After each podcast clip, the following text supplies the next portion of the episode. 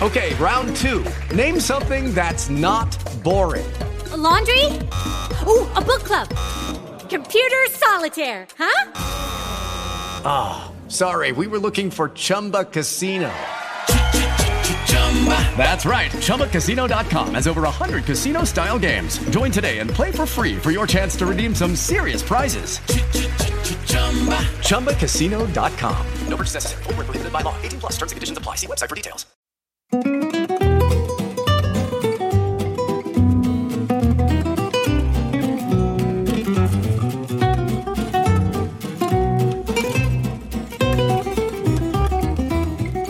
en welkom bij een nieuwe aflevering van Het Leesvirus, de podcast voor bibliofielen en andere geletterden. Het concept is simpel: drie vrienden praten over drie boeken en vertellen daarover. Maar ja, dit keer zijn we niet met drie vrienden, want een van de drie die moet optreden in een ver buitenland, in Antwerpen. Alweer. Ja, alweer. Zo populair is ze. Eh, dus deze week zonder Ronit Palash, helaas. Maar wel met Olaf Koens in Istanbul. En ik ben Stefan de Vries in Amsterdam. Olaf, jongen, hoe gaat het? Stefan, ja, het gaat wel goed eigenlijk. Eh, Ja. Wat moeten wij Ja. nou zonder Roniet? Ja, wat moeten wij zonder Ronit? En wat moeten we ook zonder elkaar? Want ik krijg steeds meer verontruste berichtjes van lieve fans die vragen: wat is er toch met jullie podcast aan de hand? Waar zijn jullie? Maar ja, het punt is, we zijn alle drie zo hectisch dat het moeilijk is om een ritme eh, vast te stellen. Maar we hebben met z'n drieën afgesproken, toch, Olaf, dat we ons leven gaan beteren? Nou ja, ja het, is, het is soms zo moeilijk om, eh, om inderdaad ehm, eh, net de tijd te vinden. Kijk, een boek lezen, dat gaat wel. Maar dan ook nog een uur vinden om erover te praten. Dat is een beetje eh, lastig af en toe. En dan moet dat uur voor ons alle drie ook nog gelijk zijn. Roniet Ja. heeft het razend druk. Die doet eh, eh, 400 dingen tegelijkertijd. Jij, denk ik, zo'n 250. Ik probeer ook 250 dingen tegelijk te doen. Ja, zie dan maar eens net met z'n drieën een momentje af te spreken. Vaak hebben we deze podcast eh, s s'avonds laat opgenomen. Echt eh, diep in de nacht. Ehm, maar ja, dat lukt dus niet eh, altijd. Dus ja, het is, het is eh, de, de meest onregelmatige podcast van Nederland. Wat niet wil zeggen dat we het niet met heel veel liefde doen. Ja, maar wel met trouwe luisteraars, want het, het- ja, die zijn echt Blijkbaar. waar we nu zijn. Maar goed, Ja, blijkbaar. blijkbaar. Nou, Dank maar dat is daarvoor. ook stimulerend voor ons. Ja, zeker. ja, we- eigenlijk, de, eigenlijk iedere keer als we hem hebben opgenomen en jij hebt hem dan gemonteerd, Stefan, dan, dan, eh, dan, dan denken we eigenlijk stiekem steeds van, nou ja, weet je, dat was het wel en eh, we gaan er niet mee door, want we hebben er de tijd niet voor en eh, zoek het maar uit. Maar dan komen er dus toch steeds wel maar hele lieve berichten binnen van mensen die vragen van, joh, waar, waar blijft het nou? Doe nou eens, doe toch nog een nieuwe aflevering en het was zo leuk om dit te horen. Ja, dat we er toch steeds maar weer aan beginnen. Dus ehm, eh, voorlopig eh, zijn we nog niet afgeschreven naar het eh, rijk van de verloren podcast. Sterker nog, we gaan gewoon dapper door op onregelmatige basis. En soms dan maar met z'n tweeën in plaats van met z'n drieën. Hè, Stefan? Ja, maar door gaan we zeker. Wat me tot het volgende onderwerp brengt, Olaf. Wat heb je gelezen deze week? Ja, wat heb ik gelezen? Ehm, eh, ik heb een, een boek gelezen.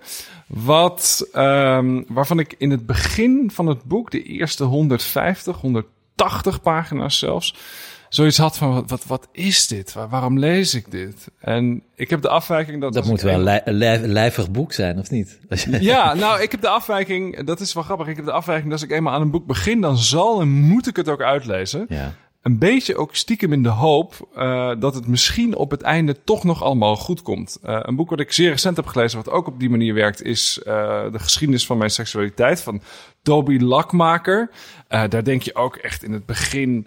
Wat is dit? Waarom lees ik dit? Waar gaat dit over? En dan pas op het eind krijgt het een beetje vorm. Of dan snap je waar het over gaat. En dan komt er een soort pointe in. Ehm, dat is ook zo met Wees Onzichtbaar van Murat Itzig. Veel lijviger, bijna 500 pagina's. En die eerste 400 pagina's, ja, dat neem je allemaal een beetje ter kennisgeving aan. Maar dan op het eind, dan, dan snap je ineens waarom dat een grote roman is. En dat ik ook met dit boek, en met dit boek bedoel ik De Jaren van Annie Ernaux. Eh, moet jij kennen, Stefan? Ehm, ja, zeker. Ja, heb jij meer van haar gelezen? Nee, eigenlijk niet. Nee, ik heb, eh, ik, volgens mij heb ik dit zelfs ook niet gelezen. Ehm, wat is de titel in het Frans? Ja, dat klinkt een beetje pretentieus, maar Les Années, zou ik zeggen. hè? Weet ik niet. gewoon les années. Ja, ik denk het wel. Eh, Kijk hoor, wat is de titel in het Frans? Eh Les Années. Ja, het heet Les les années. Het komt uit 2008. Nee, nee. Het is in Nederland pas in 2020 uitgekomen, dus vorig jaar. Um, dit is een boek wat mij uh, door mijn uh, vaste redacteur bij, bij uh, Nijg van Ditmar in mijn handen is gedrukt met de tekst. Je moet dit lezen, dit is fantastisch. Nou, dan snap je wel dat, dat ja, toen ik eenmaal op pagina 150 zat, dat ik toch een beetje aan mezelf begon te twijfelen. Van ja, is het wel zo goed? Weet je, wat, wat, wat zit hierin wat, wat ik niet begrijp? Um, en dat heeft er een beetje mee te maken dat het een heel vreemd boek is in de trant. Want het, is geen roman, het is een beetje non-fictie, maar het zijn vooral herinneringen die best wel eclectisch en vooral heel erg, heel erg chaotisch, sporadisch uh, zijn opgeschreven. Soms zitten er gewoon zinnen in die, die, die ergens midden in een zin beginnen, nieuwe alinea's. Het zijn herinneringen. Het heet heel presentieus op de achterkant de collectieve autobiografie van onze tijd. En soms heb je het idee dat je een soort aantekeningen zit te lezen. Um, ja. Je volgt is een, een hoofdpersoon vanaf de Tweede Wereldoorlog naar het heden. Uh, en het heden is dan 2008 toen het uitkwam. En je ziet flarden van herinneringen. Uh, ze kijkt naar oude foto's waar ze zelf op staat. Vanaf het moment dat ze uh, een kind was. Later als student, als jonge vrouw, als echtgenoot, als alleenstaande moeder, als oude vrouw. Um, en daardoor krijgt het een soort ja, het, het, het, het, schept een beeld van een tijd. En dat gebeurt natuurlijk ook wel. Er zitten absoluut briljante observaties tussen. Op een gegeven moment zegt ze, en dat is in de begintijd, in alle families waren er kinderen gestorven. En dat, dat is natuurlijk iets wat wij als nu niet meer in kunnen beelden, maar wat in het leven van één mens of één vrouw natuurlijk wel degelijk gebeurd is. In de jaren 40, in de jaren 50 was het inderdaad zo dat in alle families er heus wel kinderen gestorven waren. Nou, dat, hè, zo zie je een beetje de, de tijd aan je voorbij gaan. Dus dat, dat beetje dat pretentieuze, de collectieve autobiografie van onze tijd, dat begint wel een beetje dan vorm te krijgen. Maar het wordt pas echt interessant, en dat is waar voor mij die omslag ineens in zat, wanneer de tijd die zij beschrijft, het gaat chronologisch, wanneer dat een overlap krijgt met de tijd die jij als lezer ineens kunt herinneren. En dat was heel interessant. Dus pas, eh, het begint bij mij pas vanaf de prille jaren negentig. Of eigenlijk het eerste aanknopingspunt wat ik had was de dood van Freddie Mercury. En dan ineens komt 9-11 erin voor. Nintendo's, uh, Saddam Hussein. En dan ineens snap je van, wacht eens even, ik heb hier ook mee te maken. Ik maak hier ook onderdeel van uit.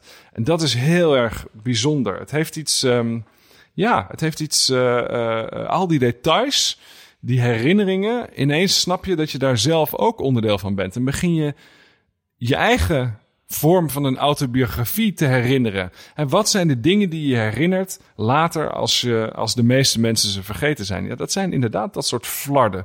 ze beschrijft heel erg goed hoe Um, hoe, hoe, moeilijk het is om, om, om niet in de, in de vergetelheid te raken. Ze beschrijft heel erg goed hoe het voelt als je uh, aan tafel zit met je familie. En hoe, het, hoe je dan misschien al kunt weten dat later de mensen die je nu haarscherp voor je ziet, de gedachten die je nu voelt, de, de, de handen van de, van de mensen naar wie je kijkt, met wie je aan tafel zit, die zullen verdwijnen in jouw herinnering. Uh, de gezichten van de mensen, hele generaties zullen in de herinneringen van mensen verdwijnen. En dat op een of andere manier wordt hier heel goed vastgelegd. Ja, dus ze gaat van, van een mhm. fenomeen zoals de Nintendo, uh, een wereldwijd fenomeen, naar, naar iets heel precies, hoe handen eruit zien van je familieleden. Dus van heel macro naar heel micro. Zeker. En het, het gaat ook over uh, hoe in het, in, het, in het begin van haar jeugd de, de, de, de oorlog uh, eigenlijk altijd bij je aan tafel zat. Hoe iedereen het altijd over de oorlog had.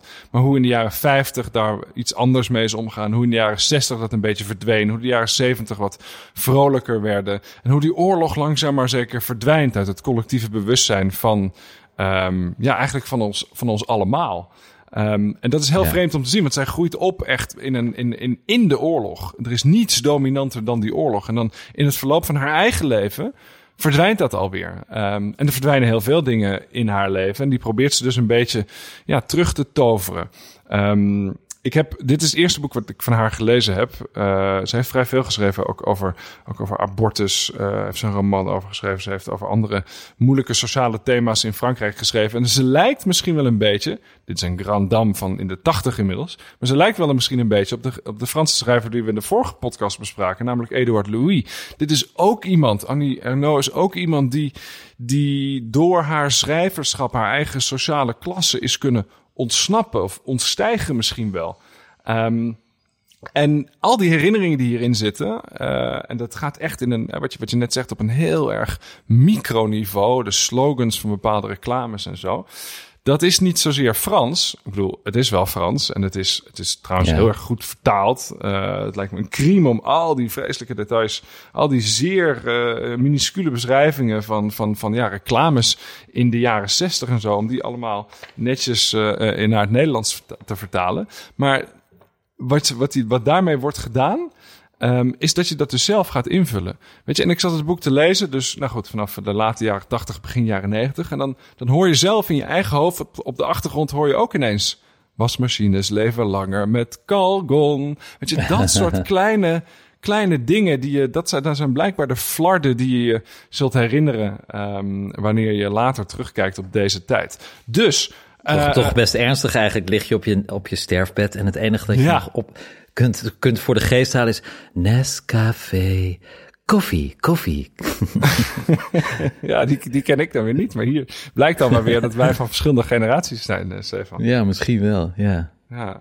Nee, ja, ehm, eh, dus, dus wat hier gebeurt is, eh, ik vond het een, een, een hallucinante leeservaring. Dat je dus, hè, nou, driekwart van het boek vond ik op zich mooi, niet slecht. Nogmaals, waanzinnig goed vertaald, goed uitgelegd.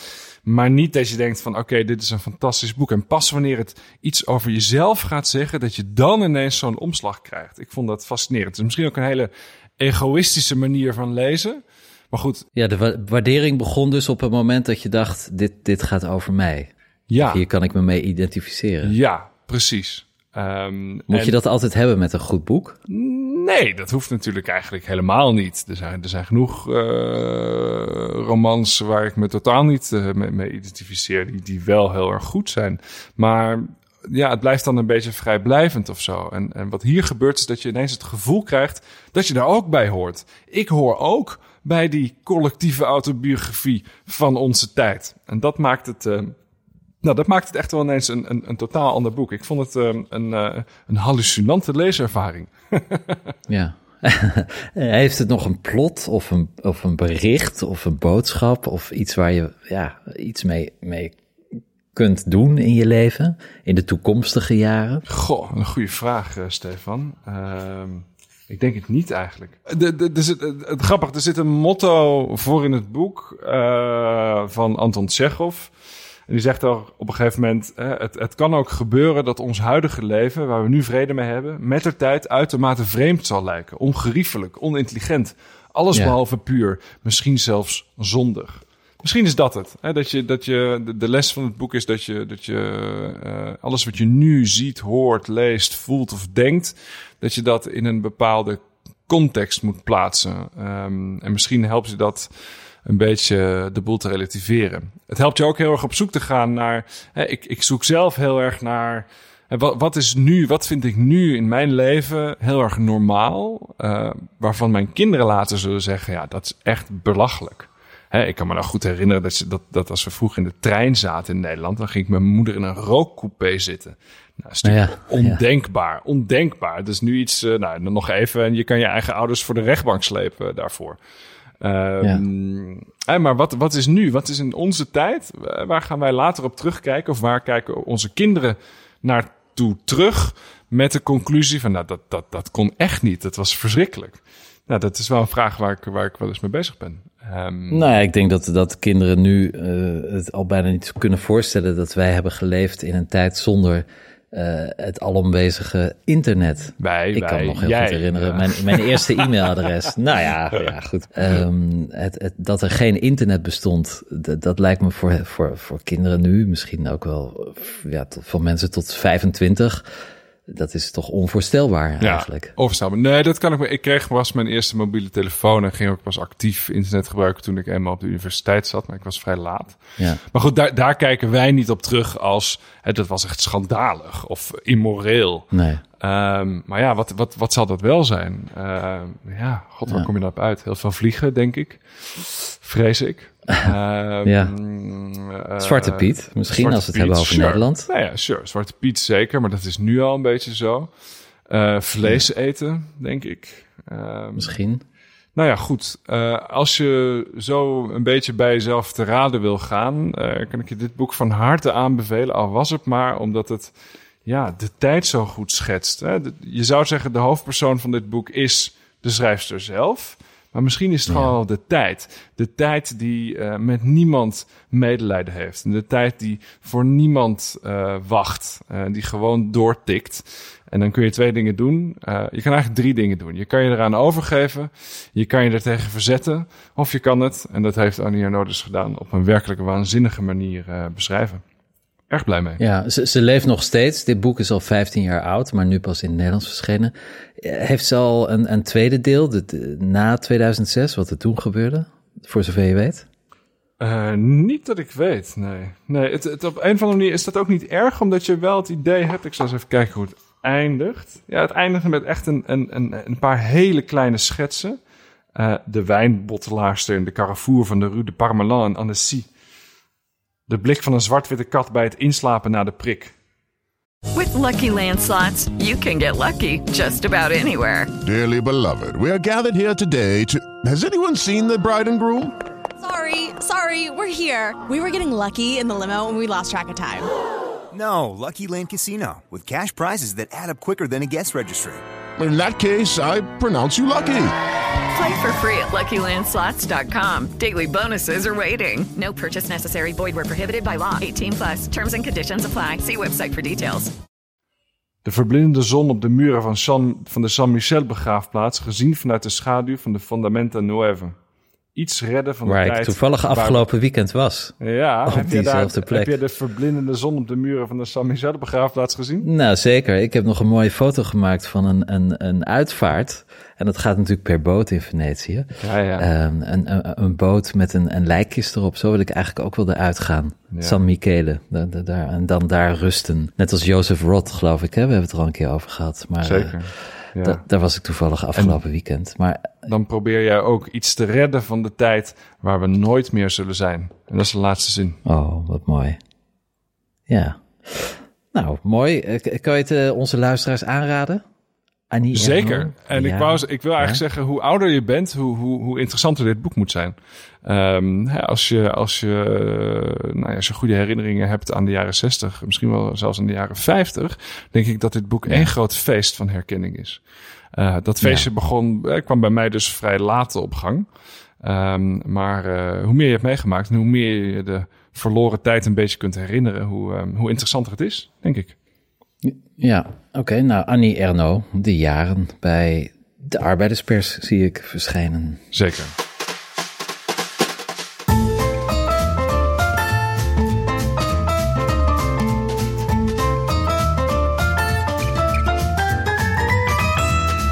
Stefan, ben ik heel benieuwd eh, wat jij hebt gelezen afgelopen week. Nou, eh, de grap is dat wij dus nooit van elkaar weten wat we lezen. Dat we elkaar dus verrassen met de boeken. En het is ongelooflijk maar waar. Ik heb een boek gelezen dat hier helemaal bij aansluit. Ehm, ja, eh, echt waar. Ge- eh, het laatste boek van Kees van Koten, De 80-jarige vrede. ja. Dat is eigenlijk ook een beschrijving van onze jaren, de jaren. eh, eh, voor wie de jonge luisteraars niet weet wie Kees van Koten is. Ik denk iedereen onder de 40 heeft misschien moeite om, om hem voor de geest te halen. Maar het is, was eigenlijk de Arjen Lubach van de jaren 80 en 90. Ehm, nou, die, die man, eh, ja, ik heb altijd enorm sympathie voor hem gehad. Maar hij wordt dit jaar, eh, hij is dit jaar 80 geworden. En dat is interessant, want dat betekent dat hij geboren was in 1941.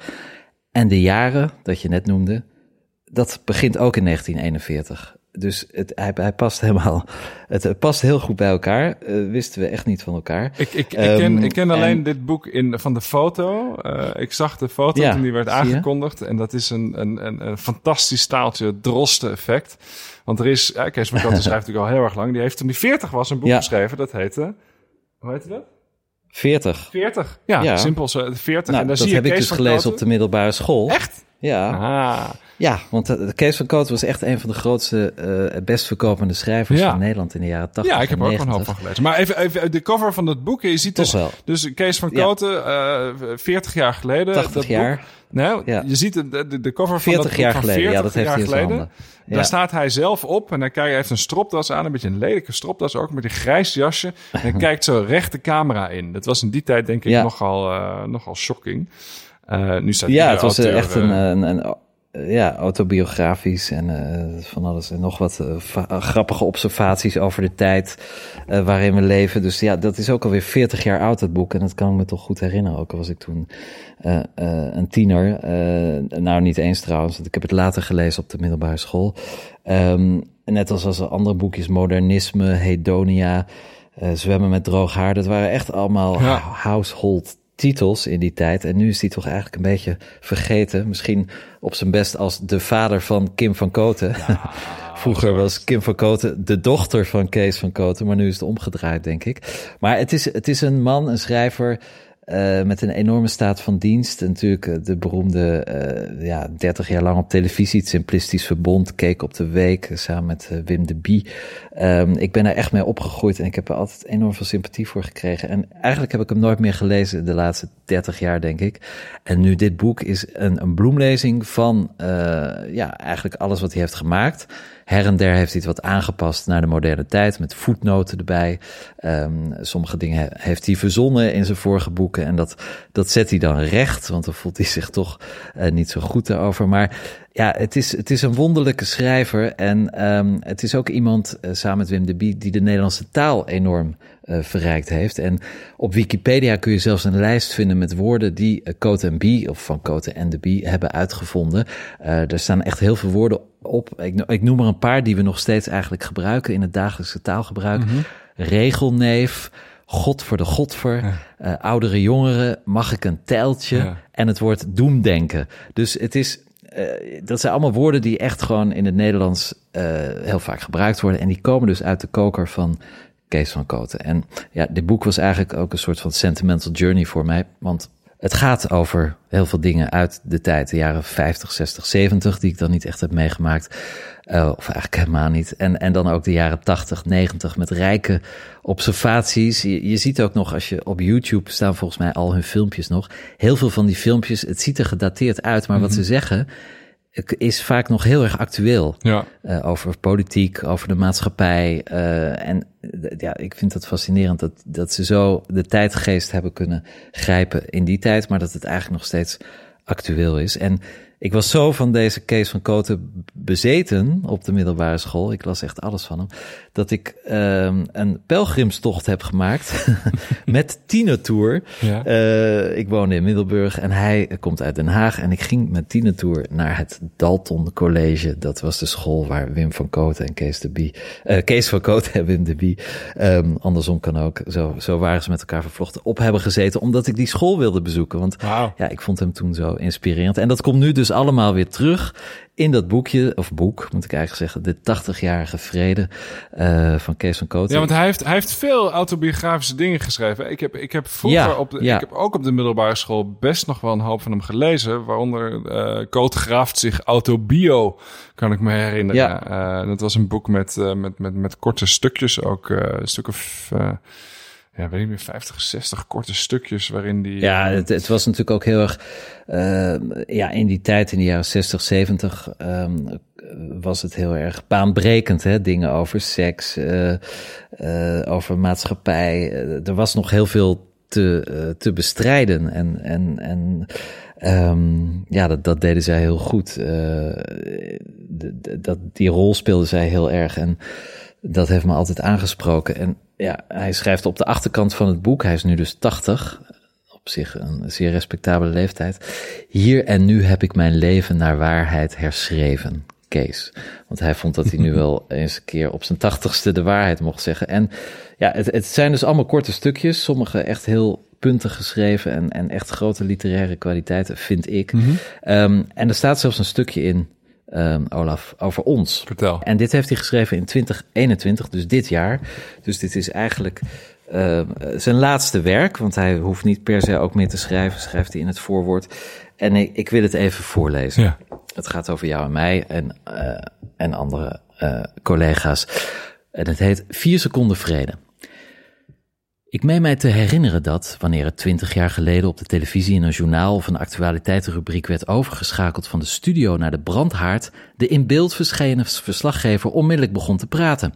Dat kunnen ze niet meer. Natuurlijk zijn onze correspondenten prima in staat om desgevraagd meteen hun mond open te doen en een verhelderend commentaar te geven, maar om raadselachtige redenen slaagt de eindregie er tegenwoordig niet meer in deze overgang naadloos te krijgen. Dat levert onbehagelijke momenten op. De nieuwslezer heeft zijn vraag luid en duidelijk gesteld aan een man ter plekke, die de situatie kent als geen ander, maar eerst stijf zijn kaken op elkaar houdt en hol onze huiskamer inkijkt. Drie, vier, vijf seconden lang. Zo gaat het in alle journaals na iedere openingsvraag. Het doet er niet toe waar de reporter zich bevindt, in Bagdad, Zeist of op een straathoek 100 meter van de studio.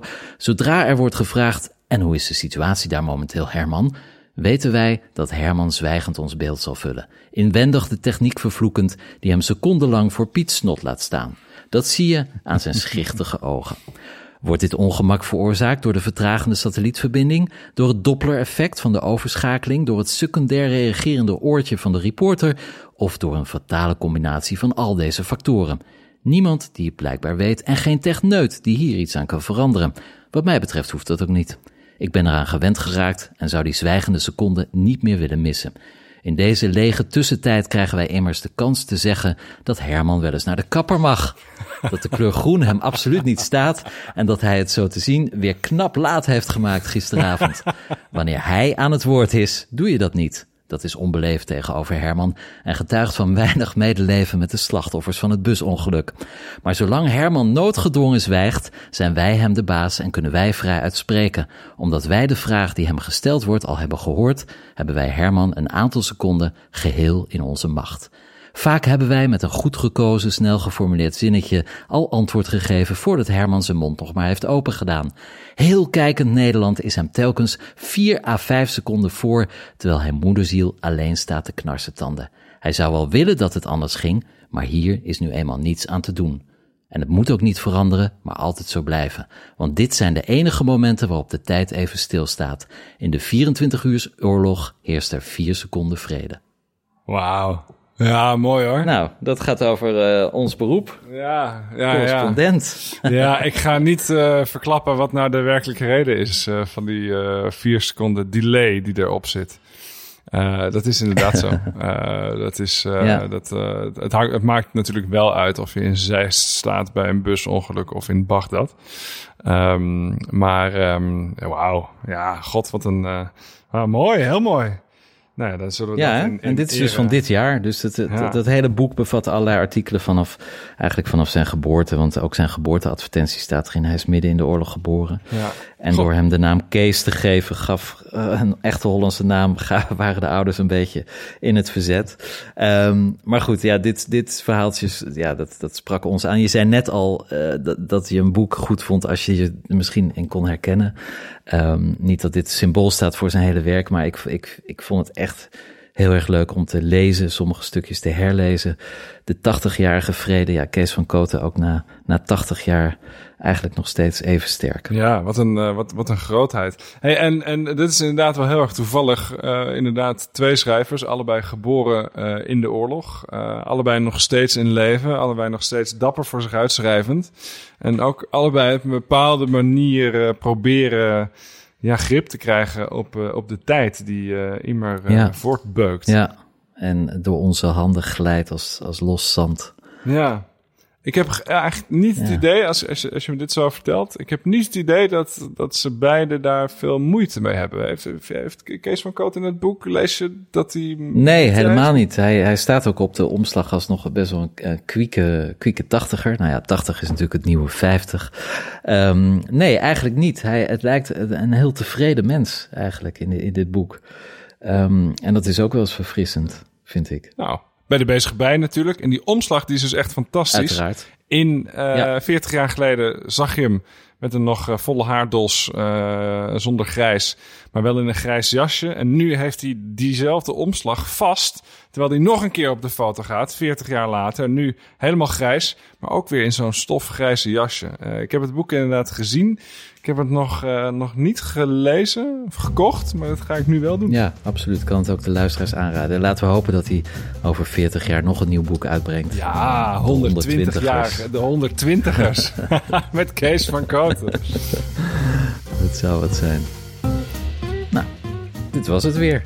twee tijdloze boeken eigenlijk over de tijd. Stom toevallig. Ja, ik weet niet wanneer weer een nieuwe episode verschijnt, maar we gaan ons best doen. We gaan ons leven beteren. Ehm, voor nu, dank voor het luisteren. Eh, als je opmerkingen hebt, uh, van harte welkom. Of suggesties, als jullie Of suggesties. zeggen van ga dit boek eens lezen of kijk hier eens naar. Doen we met plezier. Zeker. Van harte welkom op Twitter, het leesvirus. Of op Facebook trouwens ook, het leesvirus. Ehm, dank voor het luisteren voor nu. Dankjewel Olaf. Uh, was je handen, lees een boek. Au revoir.